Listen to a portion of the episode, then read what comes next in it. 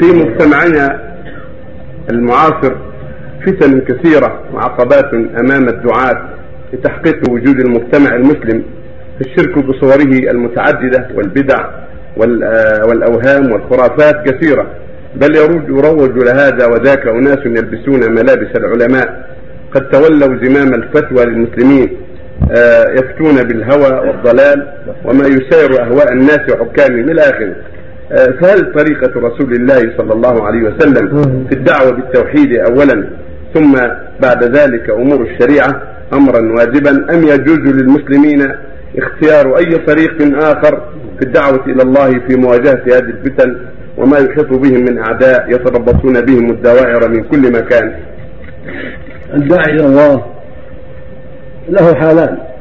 حالة يكون فيها مع الكفرة المعلمين الذين لا يسمون إسلام مسلمين ولا ينتسبون إلى الإسلام. كأن يكون بين اليهود أو بين النصارى أو بين الشيوعيين أو بين من لا دين له.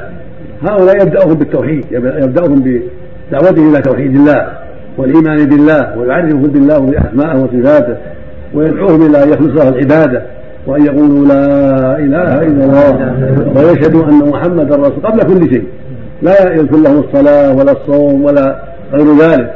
ولا ينهاهم عن الزنا ولا عن الخمر ولا غير ذلك. يبدأهم أولا بالشهادتين شهادة أن لا إله إلا الله وأن محمدا رسول الله. كما فعل النبي صلى الله عليه وسلم لما بعثه الله. فإن بدأ الناس في مكة بالتوحيد شهادة أن لا إله إلا الله وأن محمدا رسول الله. وهكذا لما بعث الدعاة كان يأمرهم بهذا. ولهذا لما بعث معاذ إلى اليمن قال له إنك تأتي قوم أهل الكتاب يعني اليهود والنصارى. فادعهم إلى أن يشهدوا أن لا إله إلا الله وأني رسول الله. ثم قال فإن اجابوا فلذلك فاخبروا أن الله تعالى عن خمس صلوات في كل يوم وليلة. فجعل الصلاة بعد الاستجابة للتوحيد والإيمان بالرسول صلى الله عليه وسلم. هذا هو الواجب على الدعاة في بلاد المشركين أن يبدأوهم بالدعوة إلى شهادة أن لا إله إلا الله وأن محمدا رسول الله.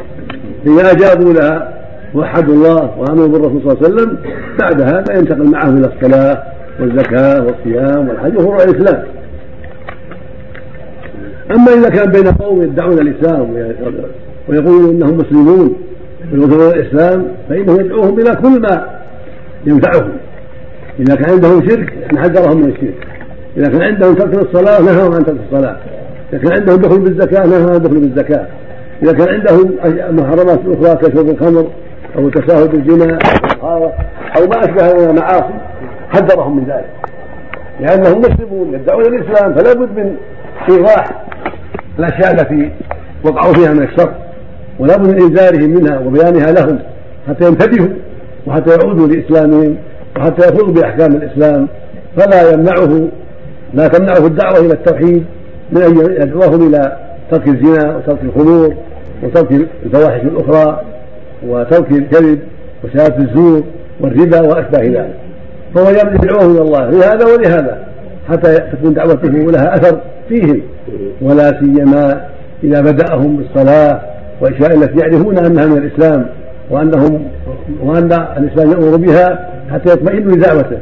حتى يأنسوا به فإذا دعاهم إلى الشيء المعروف لا يجهلونه ولا ينكرونه تدرج معهم إلى تنبيههم على ما أخطأوا فيه في العقيدة.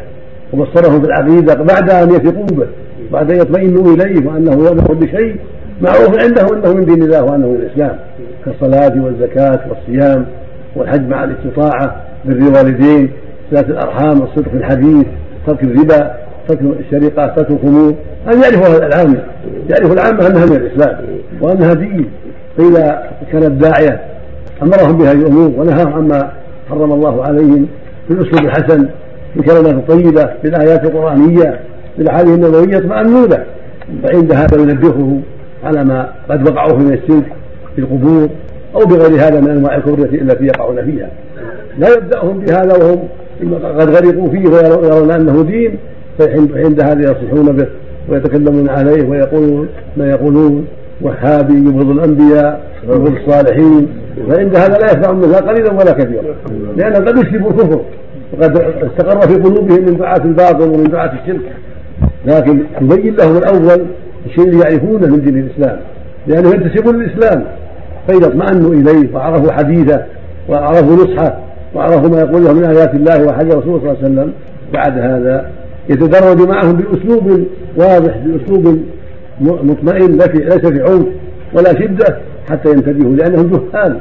قد يشربوا الكفر وقد عاشوا فيه من من دعاة الضلالة وممن يثقون بهم ويدعون أنهم علماء.